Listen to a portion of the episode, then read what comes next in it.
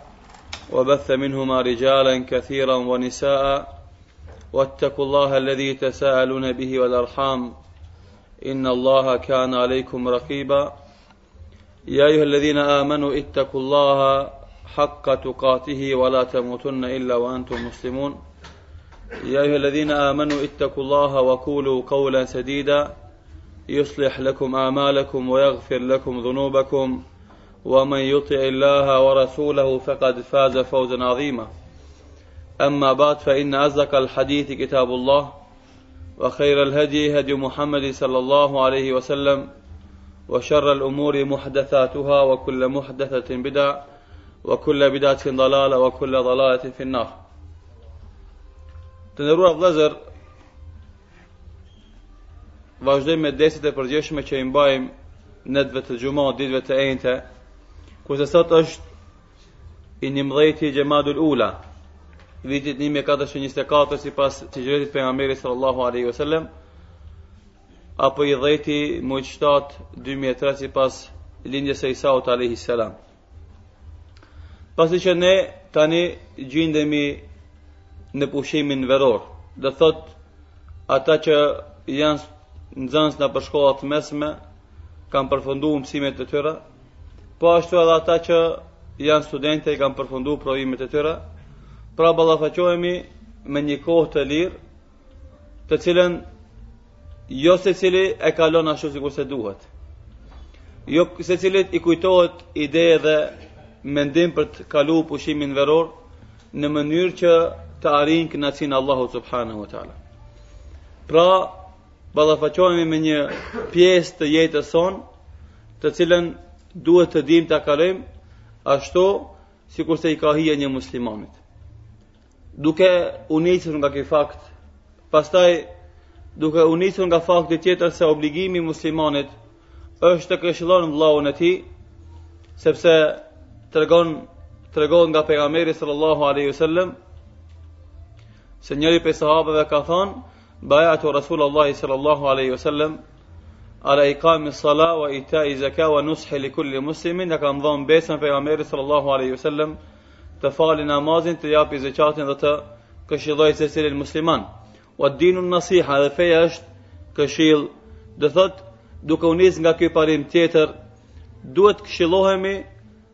të ofrojmë mendime dhe ide se si ta kalojmë pushimin veror. Pra, tema e sotit është udhëzime për ta shfrytëzuar pushimin veror. Secili prej neve në këtë kohë ballafaqohet me disa pyetje. Si ta kaloj pushimin? Si ta shfrytëzoj boshllëkun e madh që e kam para vetes në këtë kohë?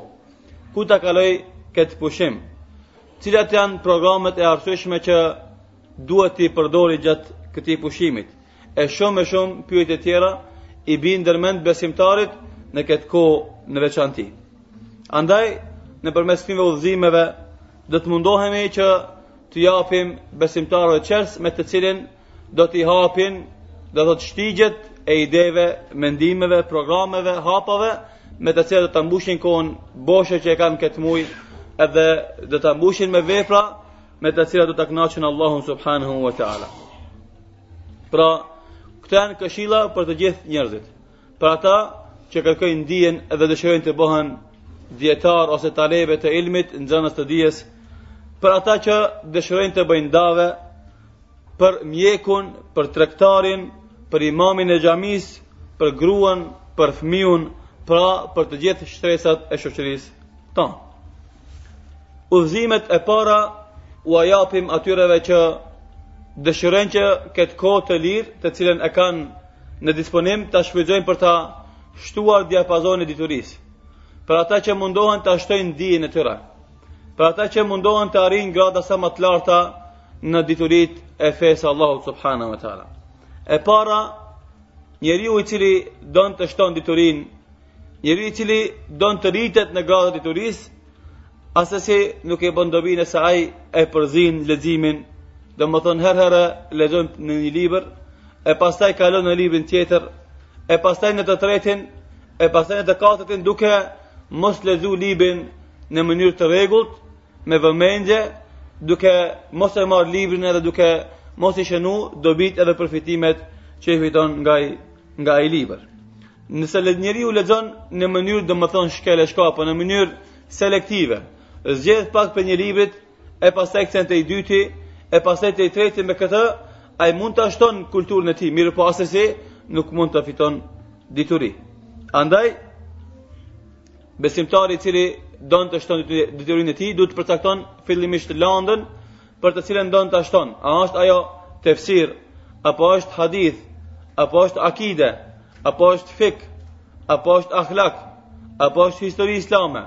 Pra e zgjedh së pari landën, pastaj i zgjedh librat edhe literaturën që janë në disponim, që i ka në disponim, domethënë, ai besimtar, edhe pastaj fillon t'i lexon. Normalisht, po qe se ka mundësi, e zgjedh një hoxhë, me të cilin atë lëmi do të do të mundohet që ta kalon në mënyrë më të shpejtë edhe në mënyrë më të mirë. Nëse s'ka hoxhë, atëherë mund të ndihmohet duke përdor audio kasetat e ndryshme, video kasetat, domethënë, atë që e ka në disponim për ta shtu diturinë e tij. Nëse në këtë mënyrë e shfrytëzoi, e shfrytëzon ky njeri çdo verë, pa, pa dyshim se do të arrin grada të larta në dituri. E dyta, ke kujdes ti o besimtar që je serioz, edhe mundohesh ta shfrytëzosh kohën në mënyrë maksimale, ke kujdes prej hajdutave, hajnave të kohës, sepse ata janë shkaku më i madh i humbjes së ymrit edhe harxhimit të kohës në vepra të pavlefshme. Këta njerëz janë aktiv çdo herë, mirëpo, Në kohën e pushimit veror ata bëhen edhe më aktiv, mundohen maksimalisht që ta vjedhin kohën. Duke kaluar 2-3 orë në një vend pa vlerë, e 2-3 orë në një muhabet pa vlerë, e 2-3 orë në shikime pa vlerë, e 2-3 orë tjera, domethënë në gjëra gjithashtu të padobishme, pra mundohet që gjithë ditën Mundohet gjithë javën, mundohet që gjithë muajin edhe gjithë pushimin veror ta rrin duke shëtit herë këtu, herë atje, duke bërë këtë vepër apo atë vepër, mirëpo të gjitha këto janë gjëra të pavlefshme prej të cilave nuk ka asnjë farë dobie. Pra, a, këta njerëz janë me ty në çdo vepër. Mirëpo, kur të mundohesh ti ta shfrytëzosh kohën maksimalisht, atëherë ata ikin prej teje. Prej këtyre njerëzve me të madhe është ankuar Imami i mirënjohur Ibn Xheuziu rahimahullahu taala, i cili në librin e tij Sajdul Hatir, Gjuetia e idesë ose mendimit, e flet një kapitull me titull Njerëzit bosh janë bela. Domethënë njerëzit që s'kan punë Njerëzit që nuk kanë preokupime dhe obligime, ata janë bela dhe sprovë për ata njerëz që mundohen ta shfrytëzojnë kohën në mënyrë maksimale në gjëra që i bëjnë dobi në jetën e kësaj bote edhe në ahiret. Ai mes tjerash thotë: Allahu na ruajtë nga shoqërimi i njerëzve bosh. Kam parë shumë njerëz që edhe me mua veprojnë si e kanë zakon njerëzit mes vete. Të vizitohen shpesh Edhe këto vizita t'i emërtojnë me emërtimin se këto janë shërbim edhe hizmet. Kërkojnë të ulen me ty dhe të fillojnë të bisedojnë muhabete të thjeshta. Gjëra që s'i interesojnë askujt edhe normalisht se në mesin e muhabetit ka edhe përgojim. Këtë vepër në kohën tonë e bëjnë shumë njerëz. Pra Ibn Xheuziu rahimullahu taala flet për shekullin e, domethënë 6 edhe 7, paramendoni në këtë shekullin e 15 sa janë ata që kohën e tyre e kalojnë kot pa kurrnjifarë dobie edhe përfitimi. Nëse ua ndalon këtë vepër, egërsohen edhe ndërpritet afërsia. E nëse i pranon, atëherë të humb koha. Pra nuk din se si me vepru me ta. Nëse keq sillesh, atëherë ata largohen prej teje edhe nuk të respektojnë aspak. Po nëse vazhdimisht rrin me ta, atëherë humb kohën edhe normalisht s'ke bërë asgjë. Ky problem fatkeqësisht ekziston edhe sot. Shumë herë disa prej xhematit kanë qejf që një hoxhë apo një talebe Vazhdimisht të rrin me ta. Apo njëkush i cili dëshiron të punon, vazhdimisht duhet gjindet gjatë ditës të shihen 10-15 herë. Mirëpo, edhe pse kjo është në llogari të dijes, të punës, të obligimeve dhe përgjegjësive. Andaj, muslimani i mençur është ai i cili u jep përparësi përgjegjësive, detyrës dhe obligimeve, e pastaj në kohën e lirë e shfrytëzon domethënë për takime edhe për muhabete të ndryshme. Andaj, thotë Ibn Xheuziu, sa kam kohë edhe mundësi, domethënë, sa kam mundësi i shtyj këto takime, e nëse ndodhin, atëherë flas pak që ata sa ma shpejt të ngriten edhe të ndahemi prej tyre. Pastaj, përgatis disa vepra që nuk duhet gjatë bisedës së tyre të mendoj edhe të analizoj. Me qëllim që mos të më ik koha bosh, andaj këtë kohë e kaloj duke përgatitur letrat, duke i gdhendur lapsat, edhe duke i bërë gati fletore. Domethënë, në atë kohë, sikurse ju e dini se nuk ka pas, domethënë, kompjuter, apo makinë për shtypi, por është shkrujt, domethënë, me dorë edhe nëpër letra, që kanë qenë të asaj kohe.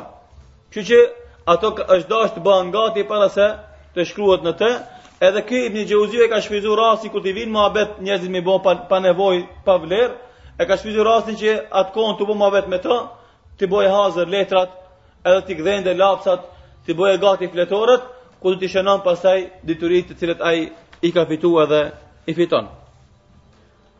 Këto gjëra janë të domosdoshme, mirëpo nuk kanë nevojë për mendim dhe prani të zemrës.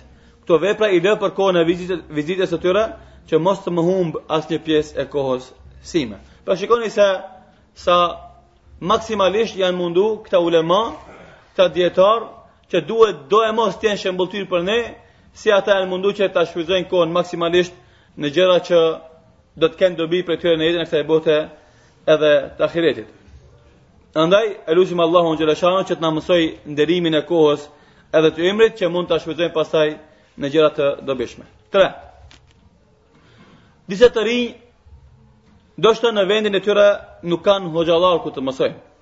Atëherë, ata duhet ta dinë se udhëtimi, shtegtimi për të kërku dije, është sunet i gjeneratave të para të muslimanëve. Ata kanë udhëtu me qindra edhe me mijëra kilometra për të fitu vetëm një hadith. Jo për të mësu 2-3 hadithe apo 5 apo 10. Jo për të marrë 2-3 çështje apo 5 apo 10. Por kanë udhëtu me mijëra kilometra për ta marrë vetëm një hadith të pejgamberit sallallahu aleyhi sallam. Andaj, nëse gjindemi në një qytet që s'ka hoxhallarë, Apo nuk ka ligjërata, apo nuk ka derse anda atëherë, neve na bëhet obligim të pasojmë sunetin e të parëve tanë edhe të nisemi të udhëtojmë në ato vende, në ato qytete ku ka derse, ku ka hoxhallarë, e të marrim pjesë në ato mexhlise, e të vërtetojmë me të vërtetë emërtimin se na jemi pasues të vërtetë të gjeneratave të arta të islamit. Pra, ne sot udhëtojmë prej një qyteti në tjetrin, prej një fshat në tjetrin për interes material, për të fitu një dinar. Ndoshta për t'ja bo edhe qefin dikujt, madje shumë herë, ne udhëtojmë prej një qyteti në tjetrin për të bo mëkate, atëherë ma e arsyeshme se kjo është, të udhëtojmë prej një vendi në tjetrin për të fitu dituri edhe për të shtu diapazonin e diturive tona edhe për shtu kulturën e përgjithshme tonë. Duke e bërë këtë hap, duke udhëtuar për të kërku diturinë, ne fitojmë dije edhe shtojmë besimin. Nga ky hap, përfitojmë shumë gjëra e prej këtyre do i përmendim një, shijon ëmbëlsinë e sinqeritetit në kërkim të diturisë. Se aq sa ma shumë lodhet njeriu për dije, aq ma shumë ja din vlerën, edhe normalisht Kjo pa dyshim se është rezultat edhe fryt i sinqeritetit te njeriu. Fatkeqësisht njeriu kur e ka dijen në bollëk, kur i ka mexhliset e ilmit në bollëk, atëherë atyre nuk ja din vlerën edhe kimetin, mirëpo, sikurse ka thënë ai poeti se shëndeti është kurorë që e kanë mbi kokë njerëzit e nuk ja din vlerën askush përveç atij që është i sëmurë. Edhe mexhliset e dijes, edhe dituria, edhe domethënë ligjëratat, edhe grumbullimet, edhe takimet janë dhunti që duhet t'i vlerësojmë, se nëse na nuk i vlerësojmë edhe nuk jemi mirënjohës për to, atëherë Allahu xhelle shanuhu i ngrit prej neve në shenjë dënimi sepse nëse dëshirojmë të na shtohen disa dhunti, atëherë Allahun duhet ta falënderojmë për to, përndryshe nëse i përbuzim, Allahu i ngrit prej neve. Fitimi tjetër është se njeriu i sheh frytet edhe gjurmët e dijes në jetën e tij private dhe individuale. Dobi tjetër është se takohesh edhe njihesh me dijetar, edhe përfiton prej takimit me të, prej ndejtjes me të, përfiton prej pyetjeve që parashtrohen para tij, përfiton prej dijes, prej sjelljes edhe edukatës së tij. E nëse përton të udhëtosh, atëherë mos domethënë u largo prej audio shiritave dëgjoji ata, shkruaj dhe shëno përfitimet dhe dobitë prej tyre, pa dyshim se audio shiriti është një thesar të cilin shumica e njerëzve fatkeqësisht e neglizhojnë dhe e lënë pas dore. Ai që domethënë nuk ka alternativë, nuk ka variant tjetër, edhe e shfrytëzon shiritin ose audio shiritin me të vërtetë nëpërmjet tij në shtëpinë e tij e sjell një hoxhë Edhe vazhdimisht e ka me veti një dijetar prej të cilit mundohet të përfiton edhe të fiton dituri. 4. Qytetet e largëta dhe fshatrat kanë nevojë për nxanës të dijes edhe djem të ri. Sepse injoranca është e përhapun me të madhe në mesin e tyre, e ne jemi ata që bartim përgjegjësi për atë gjendje. Secili prej nesh që ka sado pak dije, ka obligim që ta shfrytëzon këtë dije për ta largu injorancën nga mesi i jonë. Në këto mjedise jetojnë njerëz që nuk dinë të lexojnë as Fatihan. Njerëz që nuk e dinë rëndësinë e namazit. Njerëz që nuk dinë se çka është zeqati, çka është agjërimi, e çka është haxhi, pra janë njerëz që nuk i dinë shtyllat kryesore të Islamit. Në këto vende jetojnë njerëz që merren me magji, me sehr, Njerëz që u shtrohen fallxhorëve, mashtruesve, manipulantëve shumtë, pra janë njerëz që kanë mbet në injorancë të thelluar, andaj nxjerrja e tyre nga injoranca është përgjegjësi dhe obligim i atyreve që kanë sado pak dije. Ne nuk duhet të presim çdo herë që vetëm hoxhallarët ta bëjnë këtë hap, sepse secili ka detyrat edhe obligimet e veta. Mirëpo, Secili prej neve që ka sado pak dituri, duhet të ndërmerr aksion për t'shpëtu ata njerëz nga injoranca dhe devijimi, për këtë qëllim është e arsyshme dhe të shfrytëzohet pushimi veror. Daveti nuk mund të bëhet pa dije, pa vepra edhe pa durim. Nëse ne nuk i vizitojmë ato vende, atëherë atje mund të depërtojnë njerëz të devijuar, të dhënë pas epsheve dhe bidateve, edhe në vend se t'ua mësojnë besimin e shëndoshë, edhe sunetin e pejgamberit sallallahu alaihi wasallam të vërtetë, Ata u mësojnë besytni edhe u mësojnë gjëra që në vend se t'u bëjnë dobi, ata më tepër u bëjnë dëm. Pra, mos të flasim pastaj për misionarët e shumtë që qarkullojnë nëpër mahallët e muslimanëve, nëpër fshatrat edhe vendet ku injoranca tek muslimanët është në nivel të lartë, pra dhe ata mundohen që muslimanët e ngratë që nga islami u ka mbet vetëm emri, t'i nxjerrin nga drita e kësaj feje në errësirën e besimeve të kota të devijuara të deformuara. 5. Normalisht se prej varianteve në të cilën mund ta shfrytëzojmë pushimin veror është që të zgjedhim nga ato vende dhe fshatra apo vendbanime ku nuk ka njerëz të dijshëm, ku nuk ka hoxhallarë, ku nuk ka talebe, ku nuk ka nxanës të dijes, të zgjedhim prej atyre vendeve djelmosha, e t'i marrim ata në kurse të ndryshme fetare, në kampingje, nëpërmes të cilëve do ta mësojnë fenë e Allahut Subhanehu wa Teala, edhe nëpërmes të cilëve do të edukohen në frymën islame. Që kur të kthehen në vendin e tyre ata, të marrin përsipër udhëzimin e atyre vendeve, të bëhen pishtarë të udhëzimit edhe udhërrëfyes të së mirës në mesin e familjes, farefisit edhe fshatit të tij. Pra këto ishin porosi dhe udhëzime për ata që kanë sado pak dije, për ata që din sado pak për fenë e Allahut subhanahu wa taala. Udhëzime të përgjithshme. 6. U drejtohemi mjekut musliman apo teknikut i cili është domethënë edhe mirret me medicinë apo secili i cili ka të bën domethënë me pacientë edhe me njerëz të sëmurë mjeku pa dyshim se ka një pozitë të lartë edhe të nderuar në shoqërinë islame sepse këtë e fiton nga detyra fisnike dhe me peshë që e ka sa njerëz të sëmurë kanë nevojë për mjekun Për shumë njerëz, mjeku është bërë shkaktar pas caktimit të Allahut xheleshanuhu që ai të shërohet. Shumë buzëqeshje u ka kthyer mjeku njerëzve të sëmurë prej sëmundjeve të ndryshme. Mjeku është njeriu zemërmadh i butë dhe ka dhimbsuri për njerëzit.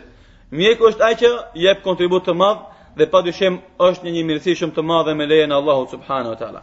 Pra, biseda për mjekun dhe rolin e tij në shoqëri është shumë e madhe, mirëpo Në këtë takim tonin ose në këtë pikë do t'i japim disa propozime, nëse dëshiron ai nëpërmes këtyre propozimeve ta shfrytëzon dhe ta kalon pushimin veror. Ti o mjek, vallë, a ke menduar ndonjëherë të dalësh me ambulancën tënde në vizitë nëpër fshatra dhe vende të largëta për disa ditë e t'u ofrosh shërbime medicinale njerëzve që ndoshta atje nuk kanë as ambulanca ose vendeve që në ato vende ndoshta nuk i ka vizituar me muaj, ndoshta edhe me vite asnjë mjek. Pra, mjeku musliman nëpërmes këtyre vizitave edhe këtyre shërbimeve medicinale që u ofron pacientëve, faktikisht u bën davet në mënyrë indirekte dhe i thret në fenë e Allahut subhanahu wa taala. Pastaj a të ka shkuar ndërmend se ka të sëmurë që nuk mund të vinë deri te ti. Edhe pse kanë nevojë shumë të madhe për ty. Ata shpresojnë takimin edhe domethënë e ëndërrojnë prekjen tënde të njomë edhe të butë.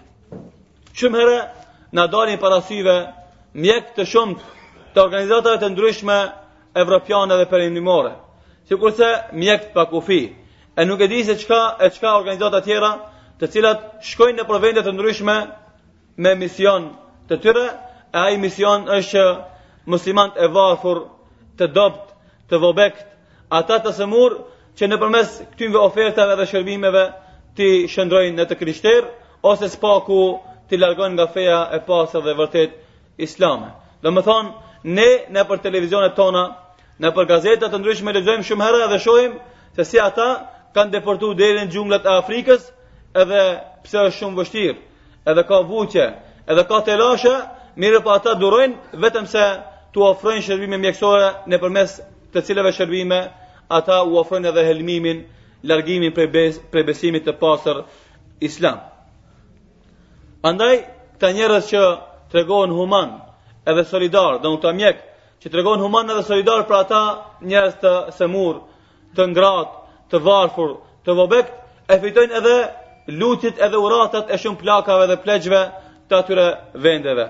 Andaj, a nuk ke dëshirë ti o mjek musliman që të jesh njëri prej tyre, e të gëzohen me ty muslimanët, të dëgjojnë emrin e Allahu subhanahu wa taala nga goja jote, të bëhesh njeri i cili do t'u afrosh, domethënë, mirësinë, do t'u afrosh shërbimet tuaja, do t'i përgdhelish, edhe do t'i ndihmosh që t'u kthehen domethënë shëndetit pasi që kanë qenë të sëmurë. Njerëzit kanë nevojë për një mjek si ti, andaj pse ti e privon vetveten nga ky shpërblim i madh duke të dhënë Allahut xheleshanuhu disa ditë e të dalish në rrugë për hir të këtyre njerëzve e t'u ofrosh domethënë këta dhunti dhe këta shpërblime. 7. Porosi ose udhëzime tregtarëve. Prej drejtësisë është që të mirit t'i themi i mirë, e të keqit t'i themi i keq.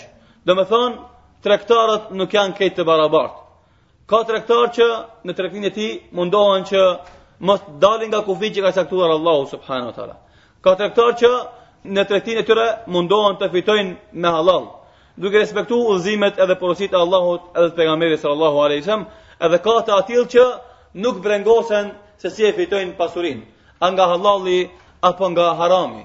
A e fitojnë me drejtësi apo me mashtrime?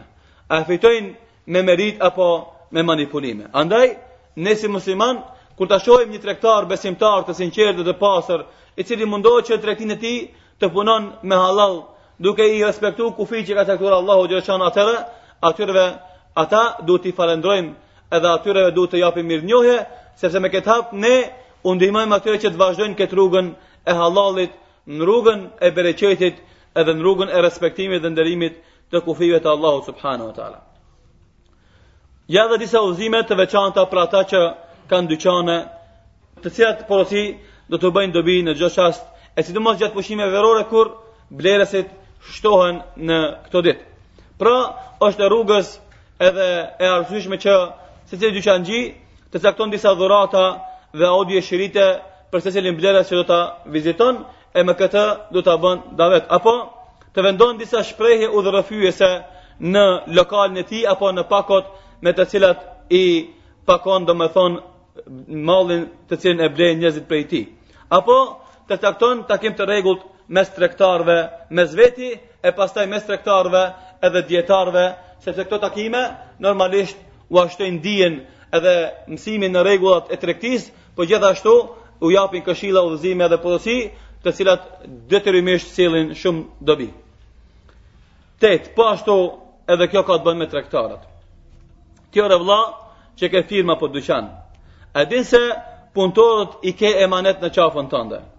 A din se ata ndoshta nuk i din obligimet kryesore të fesë islame.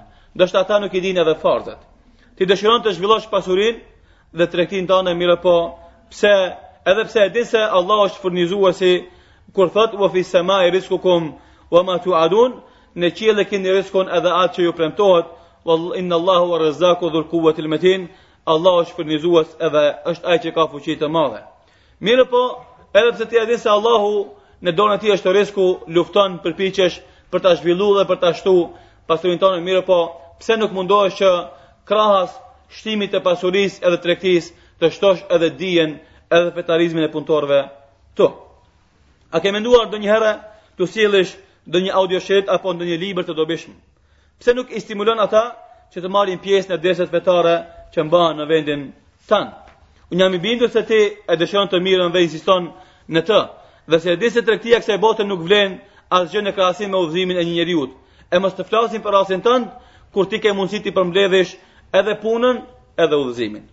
Pra, Përmirësimi i punëtorit tënd atë e bën besnik dhe të moralshëm. Kujdeset më shumë për pasurinë tënde, kujdeset edhe të bën sa më shumë myshteri me sjelljen e tij të mirë fisnike edhe moralin e lartë islam. Andaj vëllai im tregtar, të propozoj që të kujdesesh për punëtorin, t'ia mësosh farzet. Ndoshta një firmë ka mundësi me pas 5 punëtorë, E tjetra 10, e treta 20. Ndoshta në një firmë ka mundësi me pas 100 punëtorë, atëherë pse nuk kujdesesh që ata t'u caktosh një ders javor, të thrasësh hoxhallarë, t'u mbajnë derse edhe së fundi ti do të jesh fituesi më i madh edhe përfundimtar. Andaj mos privo veten nga të mirat, sepse është mundësi për pikënisje, mbështetu në Allahun xheleshanuhu dhe aspak mos ji i luhatshëm. Nëntë, imamëve të xhamisë.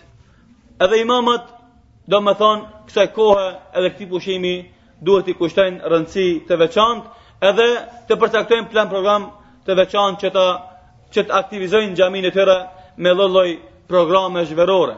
Duke fillu prej kurseve të veçanta, prej garave, prej kuizeve, prej Mësim leximit e Kuranit edhe hallkave të leximit e Kuranit përmendsh. Ti si imam nëse nuk ke aftësi për të bërë organizim të tillë atëherë pse priton që të thrasish dikend prej hoxhallarëve të tjerë të cilët ndoshta kanë atë aftësi edhe kanë atë, domethënë, përgatitje ose gatishmëri që të bëjnë kësi aktivitete edhe ta gjallë, ta ngjallin xhaminë edhe ta mbushin me djemt e ri, Me ata që rrinë jashtë xhamisë duke bërë punë të kota apo biseda të kota, për ata që sillen rreth xhamisë mirëpo në xhami nuk hyjnë apo për ata që hyjnë në xhami mirëpo në xhami vijnë vetëm për që të falin farzin.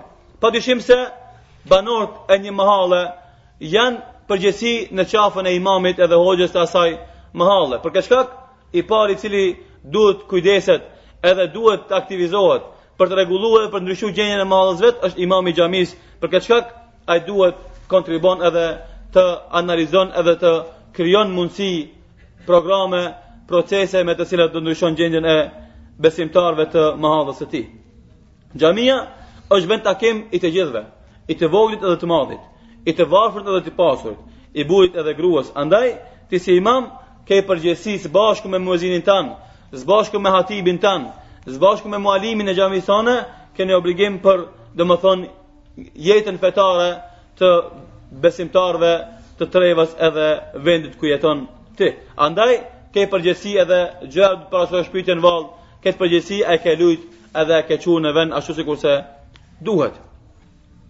Porosi edhe këshilla për gruan.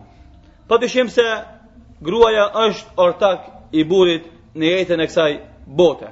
Edhe është prehri në të cilin janë ose rriten burrat e të ardhmes. Pra, nga gruaja nis filizi i një familje të shëndoshë edhe të devotshme. Pra, ajo është nënë, ajo është motër, Ajo është, domethënë, vajzë. Për këtë shkak edhe për gruan, domethënë, vlejnë disa porosi, në. Besimtarja sikurse edhe besimtari, kohën e pushimit veror duhet të kujdeset së pari që të shton njohuritë e tia rreth Kur'anit. Pra, nëse një besimtar nuk din të lexon Kur'an, duhet të shfrytëzon pushimin veror që të fillon me mësim leximin e Kur'anit. E nëse din të lexon Kur'an, atëherë të fillon që të mëson përmendsh prej sureve të Kur'anit. Nëse shembull i din 10 suret e fundit plus Fatihas, të mëson edhe 10 tjera që janë para tyre. Nëse i din xhuzin Amme, ta mëson edhe xhuz Tebarek. Nëse i din edhe xhuz Tebarek, atëherë mëson edhe suren Bekare. Për shembull, domethënë, ta shfrytëzon pushimin veror që të shton diturinë e tij edhe kulturën rreth Kur'anit. Të lexon Domethënë Kur'anin me vëmendje edhe devotshmëri, po gjithashtu edhe ta shfrytëzon këtë kohë për të shtu sa ma tepër thesarin e mësimit të Kur'anit përmendsh. Normalisht se nëse ka domethënë hallka të veçanta që mësojnë leximin e Kur'anit gratë ose vajzat, gjithashtu merre me vetje dhe vajzën tane nëse, nëse ke fmij, apo merre me vetje dhe motrën tane Domethënë e mos e le që të humb kohën bosh gjatë verës, por po gjithashtu merre edhe nanën tane edhe nëse është e moshuar, sepse ai që ka vullnet edhe dëshirë, edhe në vitet e moshuara mund të ndryshon gjendjen e tij edhe të mëson Kur'an, sepse për këtë ka shumë shembuj në mesin tonë domethënë, ka shumë njerëz të cilët në vitet e 60-ta, 70-ta, iu kanë rrek leximit të Kur'anit edhe kanë mësu leximin e Kur'anit, bile edhe në ato vite kanë mësu tërë Kur'anin përmendsh. Pra, gjithashtu, nëse ti je e preokupume ose e angazhume me obligime tjera, së paku stimulo motrën tane, stimulo vajzën tane, stimulo nanën që ata të marrin pjesë në këto takime dhe këto tubime për të mësu domethënë sa më tepër nga Kurani, leximi edhe mësimi i tij përmendsh. 10. Në kohën e pushimeve verore, ne jemi dëshmitarë se shtohen dasmat, shtohen domethënë festimet e ndryshme, syneti e kështu me radhë, sepse është kohë e pushimeve, edhe është kohë kur zakonisht gurbetçarët kthehen nga gurbeti, edhe vijnë në trevat tona, edhe shfrytëzojnë domethënë praninë e tyre për të bo dasma, për të bo syneti, pra për të bo ahengje edhe festime, edhe kremtime të ndryshme. Edhe në këto festime edhe kremtime grumbullohen numër i madh i grave si zakonisht Mirëpo, fatkeqësisht këto tubime aspak nuk shfrytëzohen për shtu diturinë, për shtu devotshmërinë, për të këshilu njëri tjetrin, por ata, ato tubime shfrytëzohen në gjërat e pavleshme, në përgojime, domethënë madje edhe në shumë vepra që janë të ndaluara në Kur'an edhe në sunet të pejgamberit sallallahu alaihi wasallam. Po qe se llogariten orët që i kalojnë gratë nëpër, domethënë, dasma e syneti e festime të ndryshme, ato sigurisht se kaplojnë më shumë se gjysma e pushimit veror. Atëherë, pse mos shfrytëzohen këto raste, këto manifestime, këto dasma e synetime për të bota vetë, për të mbajt një ligjëratë, për të dhënë një këshillë, për të mbajt një nasihat. Nëse ti nuk je e aftë, atëherë pse nuk bëhesh e mençur edhe e gjindshme që në ato tubime të thrasësh dikënd e cila ka mundësi për të mbajt ligjëratë, për të dhënë porosi edhe këshilla, dikush i cili e cila din t'u përgjigjet dilemave, problemeve dhe pyetjeve të shumta që mund të lindin prej atyre takimeve. Andaj, pse mos bëhesh ti çelës i të mirave Edhe të hapish kontaktin mes një dietare, mes një ligjëruese edhe mes xhamatit, domethënë të grave që janë tubuara në atë vend. Dikush prej grave mendon se këto aktivitete janë të veçanta vetëm për burrat. Edhe ata ose ato nuk duhet të veprojnë asgjë. Mirëpo, e kundërta është e vërtetë. Sepse urdhërimi në të mirë edhe ndalimi prej të këqijave është obligim sikurse për burrat, ashtu edhe për gra. Se sidomos kur e kemi parasysh se tubimet ku ka gra, gabimet janë shumë më të mëdha se sa tubimet ku ka burra. Andaj këshilla edhe nasihati, urdhërimi në të mirë edhe ndalimi prej të këqijave është obligim shumë i madh për gruan besimtare të devotshme, për atë që ka sadopak dije në ato tubime dhe ato mexhlise. Andaj besimtarja nuk duhet të hesht kur para vetes bëhen mëkate edhe gabime të mëdha.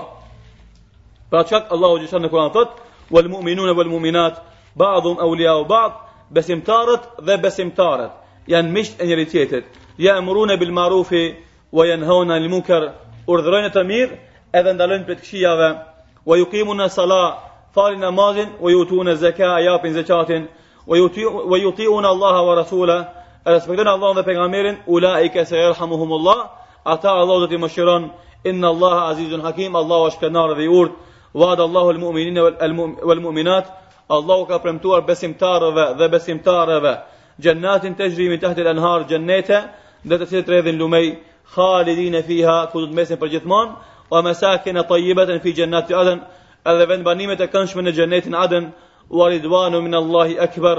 Edhe kënaqësia prej Allahut është ajo grada dhe shpërblimi më i madh. Dhalika huwa al-fawz al-azim. E kjo është fitorja e madhe. Pra, edhe ti, oj motër, ti edhe ti je e obliguar sikurse edhe burri për të urdhëruar në të mirë edhe për të ndalu prej të keqes. Andaj nuk ke asnjë farë arsyetimi para Allahut xhele shanuhu atë ditë kur Allahu do të merr në pyetje për gabimet edhe mëkatet që janë bërë para teje, e ti ke hesht edhe nuk ke bë asnjë gjest për ta ndalu këtë të keqe me një fjalë, me një këshillë, me një nasihat, me një dom ndërhyrje të vogël e cila ndoshta do ta përmisonte edhe do ta ndryshonte tërë gjendjen. Ti oj motër e shtrenjtë. Me të vërtetë, ne kërkojmë prej besimtareve që ta bartin brengën e përhapjes së të mirës në mesin e grave, sidomos në raste të veçanta. Nuk thamë që gratë duhet ta bartin brengën e përhapjes së domethënë të mirës aq sa ata brengos, ato brengosen për zbukurimin e tyre, për rrobat e tyre, për gjellët e tyre, për muhabetet e kota. Madje, nëse ata brengosen për të mirën edhe davetin, sa një e dhjeta e asaj që brengosen për bukurinë e tyre, për rrobat e tyre, për shëtitjet edhe kështu me radhë, do të mjaftonte në këtë nivel. Andaj, njëmbëdhjetë, ti oj motër, kujdesu që të mësosh rregullat e fesë, të shtosh diturinë tane për gjërat që të preokupojnë, te gjërat që janë të veçanta për ty, edhe nuk janë edhe për mashkullin. Mëso rregullat e pastërtisë, mëso rregullat e martesës, mëso rregullat e divorcit, mëso rregullat edhe obligimet që ki ndaj burrit edhe obligimet që ka burri ndaj teje. Mëso edhe kuptoji rregullat edhe mënyrën e edukimit të fëmijëve. Mëso edhe kupto obligimin që ka gruaja ndaj çështjeve të muslimanëve. Shfrytëzo çdo rast për t'fitu dije, andaj domethënë merr pjesë në, në nëpër kurse nëse ka kurse të veçanta për gratë, e nëse jo, atëherë hulumtoji librat që flasin për këto çështje, edhe merri edhe lexoji, Edhe bëri rezyme, edhe shënoji elementet që janë ma të rëndësishme për ty, për jetën tënde në këtë botë edhe në ahiret. 12. Nëse ti nuk ke mundësi të marrësh pjesë, domethënë në këta në këta tubime të diturisë apo në këta kurse, apo ndoshta ke preokupime të tjera, atëherë së paku stimuloji të tjerat që ta bëjnë këtë punë, të marrin pjesë në këto kurse, Të shfrytëzojnë domethënë kohën për t'fitu dituri të dobishme duke lexu apo duke marrë pjesë në mexhlise të ndryshme. Gratë si zakonisht shumë kohë harxhojnë në biseda telefonike. Andaj, gruja e mençur muslimane është ajo që këto biseda që i bën me motrat e saja, me domethënë shoqet e saja, pra me gratë tjera është mençuri prej një grues muslimane që n'këto biseda në mesin e tyre të jep ndonjë këshillë. apo ta shfrytëzon për të për të lexu ndonjë ajet, apo për të tregu ndonjë hadith, apo ndonjë thënie të urtë të mendimtarëve edhe dijetarëve të gjeneratave të para të muslimanëve. Pra, edhe ky telefon, i cili është aparat për të cilin kemi nevojë që të mirremi vesh mes vete, mund të shfrytëzohet që të bëhet davet ashtu sikurse shfrytëzohet për marketing edhe për reklama, edhe për t'fitu pasuri në këtë jetën e kësaj bote. Porosi edhe udhëzime për të vegjlit. Pa dyshim se prindrit kanë obligim ndaj fëmijëve të tyre. Edhe ata kanë përgjegjësi për kalimin edhe mënyrën se si ata do ta kalojnë pushimin veror. Ata duhet t'i stimulojnë fëmijët e tyre me të gjitha mjetet t'i trimërojnë ata dhe t'u japin guxim që sa ma shumë të afrohen me Kur'anin. Të mësojnë leximin e Kur'anit edhe normalisht të mësojnë sa ma shumë suret e Kur'anit përmendsh. Duke i stimulu me metoda të ndryshme, qofshin ata dhurata materiale me të cilën e stimulon fëmijën, ai i cili e mëson një sure, i jep për shembull 100 denar apo 200 denar, ai i cili e mëson për shembull një sure ma të madhe, një dhuratë ma të madhe apo ai i cili i mëson disa sure të mëdha të Kuranit, e fiton një shëtitje të madhe, apo një piknik, e kështu me radhë pra, e shfrytëzon edhe variantin e stimulimit me premtime të bukura, qofshin materiale, apo shëtitje, apo piknik e kështu me radhë, për ta stimulu që të afrohet sa më tepër me Kur'an. 14. Ne zakonisht fëmijët e tanë i lamë pas dore. Nuk kujdesemi për ta, nuk kujdesemi për kohën e tyre. Ne, si prindër, qofshin baballarët apo nënat, Obligo, angazhohen me obligimet e tyre të veçanta edhe i lanë pas dore evladin e tyre. Ata mendojnë se nëse organizojnë ndonjë udhëtim, domethënë, ndonjë piknik e kështu me radhë për familjen, mendojnë se kjo do të mjafton, mirëpo udhëtimet edhe pikniqet, duhet të kenë programe të caktuara me vete, që në ato udhëtime dhe pikniqe të shfrytëzohen për këshillë, të shfrytëzohen për rekreim, të shfrytëzohen për shtim të devotshmërisë, sepse njerëzit kur dalin për shembull në natyrë, e shohin madhninë e Allahut xhaleshanu në krijimin e qejve dhe tokës, në krijimin e maleve, në domethën freskinë që e bartin me vete ato vende kështu me radhë, pra të shfrytëzon atë afërsi me kriaturën e Allahut xhaleshanu për t'ia shtu domethën dashurinë edhe respektin edhe afërsinë me Allahun subhanahu wa taala. Pra, nëse dalim në piknike apo udhëtime të ndryshme, prindi ka obligim që të organizon kuize të ndryshme me fëmijët e tyre. Të organizon, domethënë, lexim të librit apo të ndan obligimet edhe detyrat mes anëtarëve të, të familjes. Pra njërit t'i japën obligim të përgatitet për ushqimin gjatë piknikit. Tjetrit të organizon, domethënë, ë vendin ku do të bëhet pikniki. Tretit, t'ia obligon leximin e librit. Të katërtit, pra t'i jep obligim tjetër e kështu me radhë, domethënë nëpërmes piknikut t'ua shton atyve aftësinë për të jetuar në shoqëri edhe për të jetuar domethënë për të dhënë kontributin e tyre kudo që do të gjenden ata. Gjithashtu, në këtë drejtim është e rrugës që edhe anëtarët e familjes, Për shembull, 3-4 familje, mixhall, për shembull, 3-4 mixhallarë, apo 3-4 dajallarë, apo 3-4 teze, apo halla. Gjithë këta kanë mundësi që gjatë pushimit veror, domethënë fmijët e këtyre e kësaj familje, që mund të numërojnë ndoshta 20 apo 30 fmij, apo ndoshta edhe 50 fmij, po edhe ma pak, nuk prish punë, të organizohen që gjithë kjo familje, gjatë pushimit veror, të bëjnë një kurs të mbrendshëm, ai që ka dije pak më tepër. Domethënë, Secili prej neve ka familjen e gjerë. Pra të insiston që t'i bind familjes vet që fëmijët një javë për shembull 5 ditë, 6 ditë, 10 ditë të rrinë në një shtëpi edhe ta shfrytëzon atë kohë për t'i mësuar ata çështjet e fesë, për t'i edukuar ata në Islam, për t'u dhënë atyre një frymë islame. Pra këto janë ide edhe mendime që secili prej neve ka mundësi m'i realizu, mirëpo fatkeqësisht na nuk mendojmë kështu. Edhe na faji më i madh është te hoxhallarët. Pastaj te ata djemt e ri që falin namaz edhe që kanë sadopak dije që nuk mundohen këtë kohë, këtë pushim veror ta shfrytëzojnë me ide, me mendime, me punë të cilat do të japin fryte edhe do të japin rezultate të mëdha me lejen e Allahut xhel-le shanuhu në familjet tona. Madje, është e rrugës edhe arsyshme që nëse s'kemi na në familjen tonë dikën të aftë, mund të bëjmë të thrrasim dikën domethënë të aftë, që ka dije edhe ka edukatë, që t'ia mbledhim ne për shembull fëmijët e tonë edhe urdhno një javë ose 10 ditë jepu mësim edhe edukoji ata, domethënë sipas edukatës islame, që t'i ruan, domethënë që ata mos të humben Që t'i ruan ata që mos të prishen, që t'i ruan ata domethënë nga devijimet që mund të ndodhin nga ndejja bosh nëpër rrugët e lagjes edhe të mahallës. Porosi edhe udhëzime për djemtë e ri. Secili djalë i ri duhet të kujdeset për të mirën, për atë që mund ta bën edhe për atë që është i specializuar për te. Domethënë, në lëmin që ka mundësi domethënë të shpik edhe të jetë inovator, duke shfrytëzu këta ditë e pushimit. Andaj, është e arsyeshme porosia tjetër që këtë kohë ta shfrytëzon për ndonjë kasetë, apo ndonjë libër që janë të rëndësishme dhe kanë peshë, aq sa ka mundësi. Për shembull, ta bën projekt të vetin, gjatë pushimit veror, t'i ndan për shembull 500 kaseta edhe 500 libra. Normalisht se ndarja e 500 kaseta edhe 500 libra kërkon pasuri.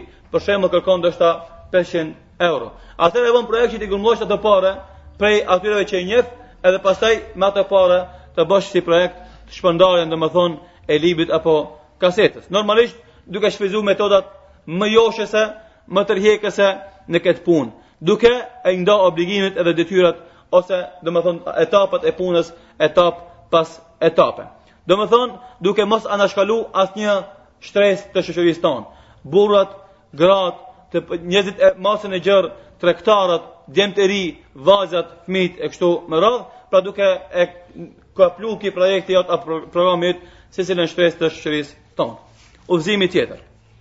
Nëse ti je ai që Ke fjalor apo oratori të mirë.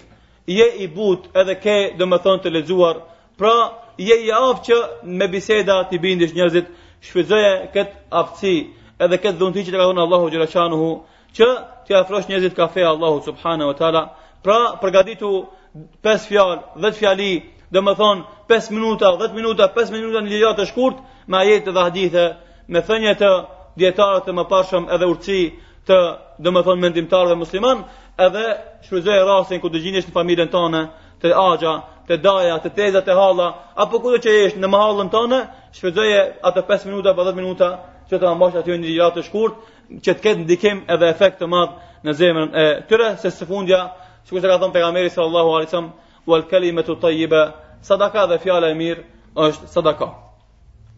Porosia tjetër, udhëzimi tjetër. Nëse ti je i aftë për të bërë studime, për të bërë planifikime, për të bërë analiza, për të grumbulluar informata, domethënë nëse kjo është aftësia jote, atëherë shfrytëzoje këtë aftësi për t'u ndihmuar muslimanëve. Shfrytëzoje pushimin veror për të bërë analizë, statistikë, për të grumbulluar informata. Për shembull, në këtë lagje na i kemi 1000 fëmijë.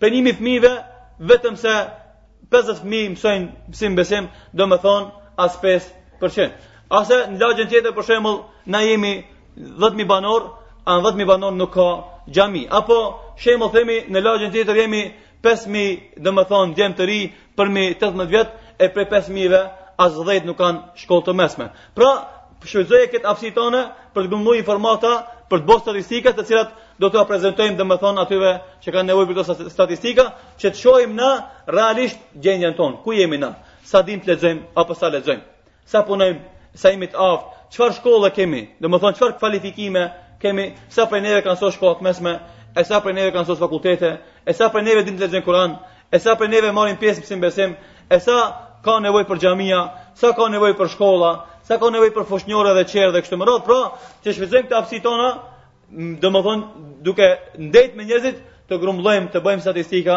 ju e dini shumë mirë se statistikat sot paguhen edhe atë shumë shtrenjtë. Domethënë ka institucione të veçanta që mirren vetëm se me punën e statistikës, analizave, grumbullimin e informatave.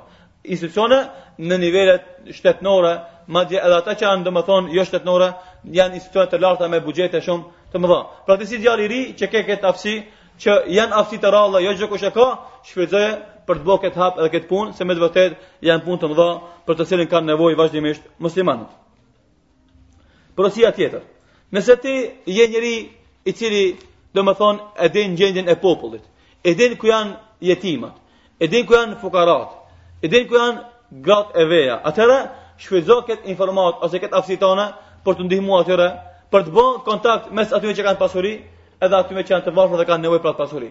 Pra, grumbullon pasurinë prej pasanikëve, edhe ua shpërndan fukarave, ua shpërndan jetimave, ua shpërndan grave domethënë të veja që kanë nevojë për ndihmë. Edhe kjo është vepër e cila pa dyshim ka vlerë të madhe te Allahu subhanahu wa taala. Porosi tjetër, nëse je njeri që je i aftë në shitblerje, pra je njeri që ke aftësi edhe dhunti, edhe prirje për qenë tregtar, atëherë mejdani i tregtisë është i hapun hyn në tregti sepse ne kemi nevojë për tregtarë muslimanë të sinqertë të cilët Nëpërmes tregtisë së tyre bëjnë davet edhe thrrasin në fenë e Allahut subhanahu wa taala. Ne e dimë shumë mirë se daveti n'këto vende se së pari domethonë fillimisht ka ardh nëpërmes tregtarëve muslimanë, të cilët nëpërmes sjelljes së tyre kanë dhënë shembëlltyrë edhe i kanë nxit edhe kanë ndikuar që të bëhen njerëzit muslimanë e pastaj normalisht se me ardhmën e osmanlive kanë hyrë njerëzit e këtyre trevave në fenë e Allahut grupe grupe mirëpo tregtari i mirë musliman është shembëlltyrë kudo që shkon ndikon edhe lën gjurmë të dobishme edhe pozitive. Porosia tjetër. Nëse je i aftë edhe je i atill që mund të hish bisedë me secilin njeri. Ne në këto kohëra, kohën e pushimit, shohim në çdo qoshe të mallës 10-15 djem ose 5-6 djem apo 10 djem rrinë edhe bëjnë muhabet tërë natën. Në mallën tjetër po ashtu, në tretën po ashtu edhe në katërtën Po ashtu, domethonë, në secilën lagje, ku na jemi duke banu, nëpër qoshet e saj, rrinë ka 10-15 njerëz e bëjnë muhabet kot. Ti që ke aftësi, që t'u afrohesh njerëzve, je i respektum edhe i nderum n'atë mahallë, pra edhe ke oratori edhe ke fjalë të buta edhe të urta, rri me ata edhe shfrytëzoje ndejën tane për t'i bo davet. Edhe për të thy atë ndarjen apo dallimin apo barrierën mes besimtarët e devotshëm që i respektojnë urdhnat e Allahut edhe atyreve që janë muslimanë mirëpo jo aq shumë edhe jipen pas obligimeve fetare. Shfrytëzoje domethënë këtë kohë të pushimeve që t'i këshillosh ata, t'u japish nasihat se me të vërtetë në këtë formë ka ndikim të madh edhe shumë prej tyre ndryshohen edhe pendohen edhe kthehen te Allahu subhanahu wa taala. Udhëzimi tjetër. Shumë herë, domethonë, na kemi libra nëpër shtëpi apo kaseta që i kemi dëgju, apo i kemi lexu, edhe atyreve më nuk u kthehemi. Andaj, ato që i ki ofroj tjerve që s'i kanë, ose jepi në një vend publik, për shembull, në një xhami, apo në bibliotekë, apo në një vend ku shumica e njerëzve do t'i shfletojnë, apo do t'i lexojnë. Ose jepi për shembull, apëton nëpër çajtore, apo jepi nëpër berbera, apo jepi nëpër ambulanta, apo jepi në vende të ndryshme ku njerëzit presin, ka gjysmë ore, ka 10 minuta, ka ndoshta edhe ka një orë, në atë kohë që ai rrin, domethonë ka mundësi ta lexon një libër, apo ka mundësi ta lexon një revistë, apo ka mundësi ta shfleton një fletushkë, apo ndoshta ka mundësi të ndëgjon edhe një audio kaset. Kështu që shfrytëzo maksimalisht atë potencial që e ki, për të cilin nuk duhet me dhënë ndoshta edhe pare, edhe me bo ndonjë mund të madh, ndonjë mund të madh që të bësh davet nëpërmes saj. Apo të shfrytëzosh variantën tjetër.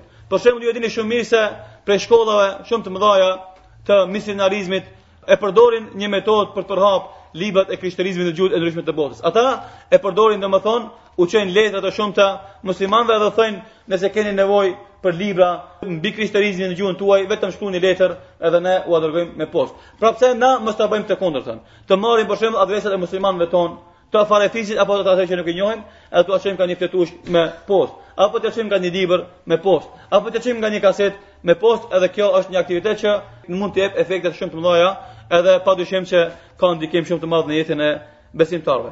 Nëpërmes këtyre variantave në botën islame është përdor edhe është provu ka pas efekte shumë të mëdhaja, edhe shumë njerëz janë udhëzu nëpërmes një letre që dikush ja ka çuar një vëllaut vet apo një motrës vet dikun në një shtet tjetër, edhe duke lexuar atë libër apo atë fletushkë, duke ndëgjuar atë kasetë, ajo është udhëzu, është mbulu, ka filluar me fal namaz e kështu me radhë. Tregohet një rast, domethënë prej metodave se si njerëzit mundohen maksimalisht çdo mundësi që Allahu ua ka dhënë ta shfrytëzojnë për të bërë davet në rrugën e Allahut subhanuhu. Thot ishim duke udhëtu me një shok timin në, me veturë. U ndalëm në semafor edhe pam një veturë të vjetër edhe të dobët përmbrapa shkrunte domethonë një fjalë edhe ajo fjalë e befasoi shumë domethonë shokun tim ajo fjalë ishte nëse don ta njofish diçka prej islamit nuk duhesh të bësh asnjë send ma tepër se të më ndalish mua domethonë nëse don ta njofish islamin ndalëm Çka është një fjalë, edhe këtë fjalë e kish shkrujt në disa gjuhë, domethonë. Edhe thot, ne u habitëm prej kësaj fjale edhe e ndalëm këtë, domethonë, njeriun. Kur u ndalëm, e pamë se ky njeri, sipas facës së tij, domethonë, edhe pamjes, nuk ishte dijetar. Madje nuk ishte edhe njeri që dinte shumë, mirëpo, Thamë, a qysh ti don me bo davet në Islam kur nuk ki dituri. Edhe pi muhabetit po shohim se ti je njeri i thjeshtë. Tha po, është e vërtetë se unë nuk kam dije, mirëpo, mendova ta ndihmoj këtë fe. Edhe m'u kujtua të marr me veti libra edhe kaseta, edhe fletushka në gjuhë të ndryshme të botës, edhe kur hapi bagazhin mbrapa, e kish përplot bagazhin me libra, me kaseta, me shumë gjuhë. Edhe kur ndalem me secilin njeri, domethënë, që e flet një gjuhë të huaj, ja jap n'atë gjuhë që ai e flet. Nëse e flet gjuhën domethënë amtare, ja jap gjuhën amtare. Po gjuhën angleze, angleze. Po gjuhën franceze, franceze. Po në gjuhë tjetër, domethënë kam prej 4-5 gjuhë, 5-6 gjuhë, 10 gjuhë, edhe i mbaj me veti vazhdimisht kurse thoj, unë s'di me bo davet, me fol, me tregu ama, qe këtë kasetë, qe këtë libër, qe këtë fletushkë me dhon, këtë punë di me bo. Pra paramendoni një njeri i thjeshtë, i cili nuk ka shumë shkollë dhe dije, se si është mendue edhe është mundue për të ndihmu fenë e Allahut subhanahu wa ta'ala. Porosia dhe udhëzimi tjetër. Na gjithë udhëtojmë për shembull prej Shkupit për në Turqi, ose prej Shkupit për shembull për në Prishtinë, apo prej Shkupit për në Strugë, e kështu me radhë. Edhe na e dimë se në autobusa, për shembull vazhdimisht ka muzikë, apo ka filma të ndryshme, madje ka edhe shumë gjëra që nuk janë të moralshme dhe të sjellshme. Pra, pse nuk bëhemi ne ata që t'i vizitojmë ato domethënë firma që miren me udhëtimin e muslimanëve prej një qyteti n'tjetër, prej një qyteti n'tjetër e t'u japim një kasetë për shembull Kur'an apo një kasetë ligjëratë, apo t'u ofrojmë ndonjë videokasetë me përmbajtje domethënë të dobishme shkencore apo fetare, apo T'u ofrojmë ndonjë fletushkë apo ndonjë libër të cilën do ta shpërndajnë në autobus pasagjerëve të vet. Domethënë, në mënyrë indirekte ti i bën davet të gjithë ata 40 apo 50 udhëtarë që gjinden në atë autobus. Prej udhëzimeve dhe porosive është praktike që të shfrytëzojmë domethënë pushimet verore për të bërë kurse të ndryshme. Për shembull, një kurs për të lexuar Kur'an, një kurs për shembull për të mësuar hadithe përmendsh, një kurs për shembull për të mësuar njerëzit me la xhenaze, Se na për shembull shumë herë ballafaqohemi n'familjet tona me xhenaze dhe atëherë befasohemi dhe habitemi se nuk dim për shembull me la xhenaze. Apo për shembull si të qefinoset i vdekuri. Apo domethënë një kurs se si të mbash një ligjëratë apo një ders. Apo një kurs për shembull për gjuhë të huaj për të cilën ke nevojë.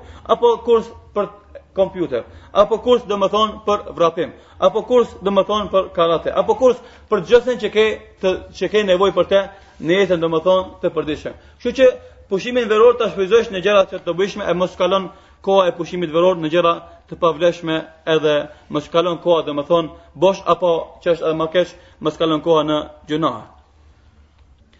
Porosia edhe udhëzimi tjetër, leximi padyshim se është mjeti më i mirë për të kaluar pushimin veror. E kam qëllimin për leximin e qendru, e përqendruar edhe preciz, domethënë leximin e librit të veçantë për të përfituar prej atij libri. Andaj, secili duhet ta zgjedh një libër apo disa libra që dëshiron t'i lexon edhe pastaj t'i rendit domethënë njërin pas tjetrit në lexim, edhe t'i lexon me vëmendje edhe përqendrim që të fiton prej këtij leximit. Duke mësuar përmendsh për shembull paragrafe të atij librit, duke mësuar përmendsh domethënë disa elemente që janë të rëndësishme duke i lexu apo duke i kopju e kështu me radhë, pra duke u marrë me librin edhe me dijen në mënyrë serioze. Porosia edhe udhëzimi tjetër, shumë herë ndodh që djem të ri të shkojnë domethënë në biblioteka të përgjithshme edhe të kalojnë orë të ndryshme në ato vende. Andaj duhet ta shfrytëzojnë qëndrimin e tyre në ato biblioteka, bibliotekat e përgjithshme që të lexojnë gjëra të dobishme së bashku, sepse kur shkojnë së bashku në bibliotekë e nxisin edhe ndihmojnë njëri tjetrin. Kur janë 3-4 veta e bëjnë për shembull një javë, një ditë apo dy ditë shkojnë në bibliotekë, kjo i ndihmon që të vazhdimisht mos të mungojnë prej këtij orarit, edhe shkojnë në bibliotekë edhe të lexojnë një libër për të cilin do të kenë dobi apo domethënë ta thrasin edhe dikan tjetër të shkon me ta në bibliotekë edhe gjatë leximit të lëndës që duhet të jep provimin për të apo duhet përgatitje për vitin e ardhshëm të lexon atë diçka që i bën dobi në jetën e domethënë në aspektin fetar. Pra për fund vëllai i dashur edhe motër e nderuar, padyshim se pushimi veror është një shans e madhe e cila nuk kthehet. Janë ditë të ymrit të cilat duhet t'i shfrytëzojmë maksimalisht në gjëra që na bin dobi në jetën e kësaj bote edhe në jetën e ahiretit. Andaj duhet të përpiqemi maksimalisht që pushimin veror, domethënë të na jep fryte të dobishme, të cilat fryte do t'i vjelim pastaj vitin e ardhshëm.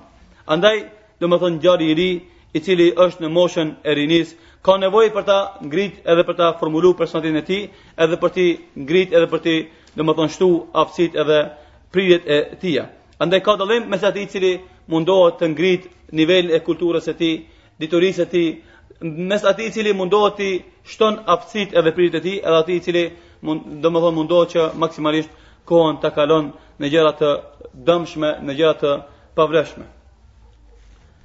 Dallimi mes djalit të dobishëm edhe atij të padobishëm, mes atij që është i devotshëm edhe atij që është mëkatar, vjen prej një elementit. Ajo është prej shfrytëzimit të momentit edhe kohës në gjëra të dobishme ose shfrytëzimit të kohës dhe momenteve në gjëra të dëmshme. Andaj çelësi i veprave të mira është që ta dojmë të mirën edhe ata që janë të mirë, të flijojmë për të mirën me sinqeritet domethënë t'u ofrojmë ndihmë vëllezërve tonë që punojnë në këtë drejtim, të lutemi për ta, nëse s'mundemi të bëjmë më shumë atëherë së paku, të lutemi për ata që bëjnë punë të mira, që Allahu t'u ndihmon edhe t'i përkrah sepse pa dyshim se duaja është armë e besimtarit edhe me këtë armë të vogël kemi mundësi t'u ndihmojmë besimtarëve domethënë me një ndihmë shumë të madhe ose së paku ata që bëjnë punë të mira t'i stimulojmë në punë të mira edhe t'i nxisim edhe t'i përkrahim me fjalë edhe me komplimente